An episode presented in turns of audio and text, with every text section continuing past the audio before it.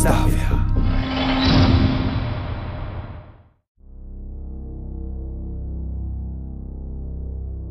Artur Dzikowy Olchowy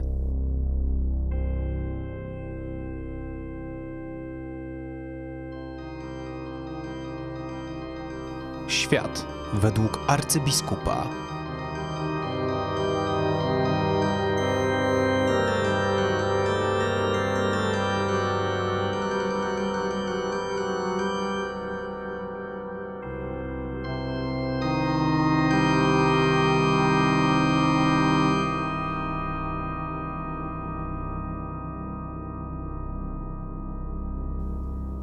Ja akurat jestem w komfortowej sytuacji.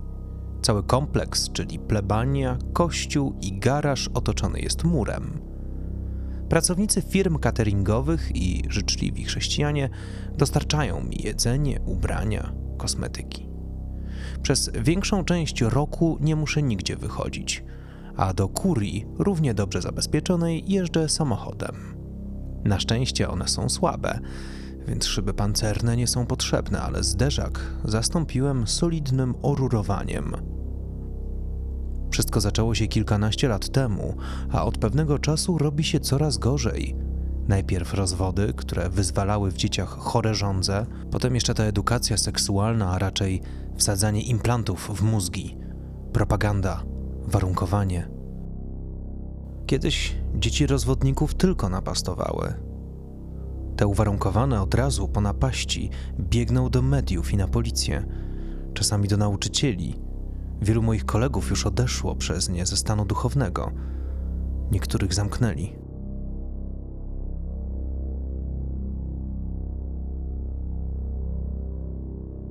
A teraz muszę wyjść, odwiedzić parafian, zmówić z nimi modlitwę. Z roku na rok wiernych jest mniej, właśnie przez te bachory, ale nadal są owieczki, które dla spokoju duszy potrzebują mojej obecności. Wykąpałem się i włożyłem bieliznę. Po chwili namysłu włożyłem jeszcze jedną parę gatek, na wszelki wypadek. Kiedyś były suspensoria, pasy cnoty i tak. Teraz może powrócą, skoro jest popyt. Sutannę dodatkowo zapinam agrafkami. Wkładam ciężką kapę, na nią jeszcze płaszcz – z szafy w zakrystii wyciągam stary pastorał, od lat nieużywany. Z szuflady stołu pod tabernakulum wyjmuję ogromny mahoniowy różaniec. Jeszcze krótka modlitwa, zawierzenie duszy i cnoty wszystkim świętym i wychodzę.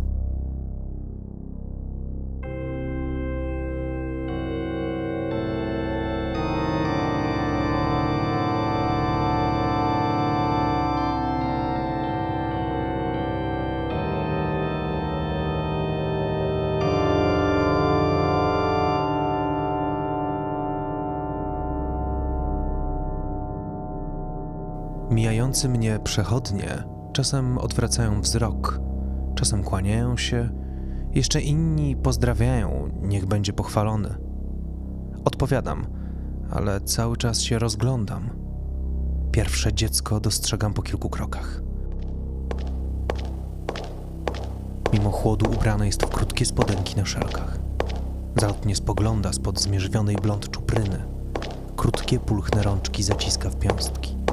Zatrzymuje się, gdy rusza do szarży. Zasłaniam się pastorałem, ale metr ode mnie dzieciak rzuca się na ziemię i przywiera do mojej nogi. Wspina się coraz wyżej, macając mnie po łydce, udzie, przywiera dłońmi do pośladków.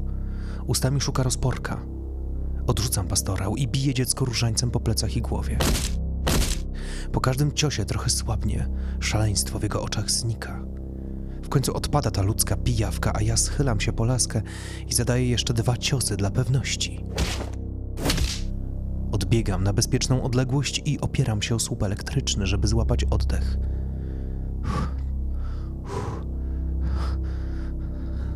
Trzeba zacząć trenować.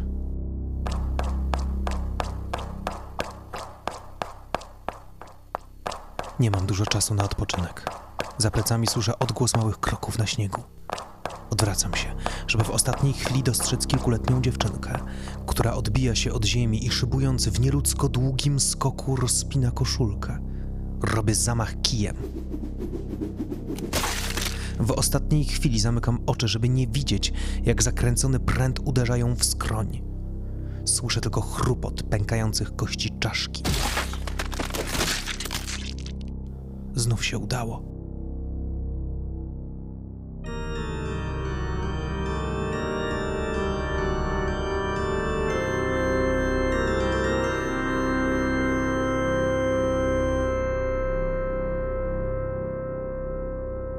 Do pierwszego mieszkania doszedłem bez dalszych przygód.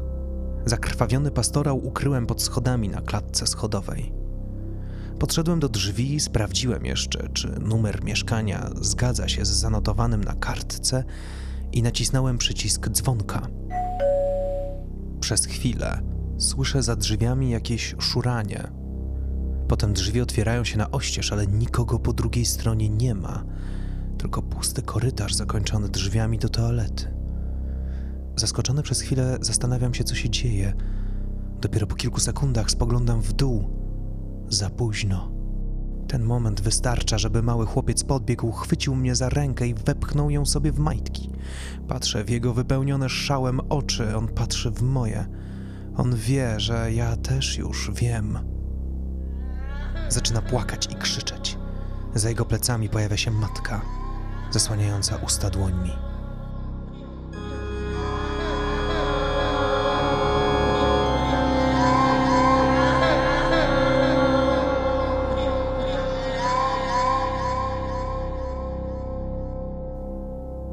Czytał Błażej Grygiel.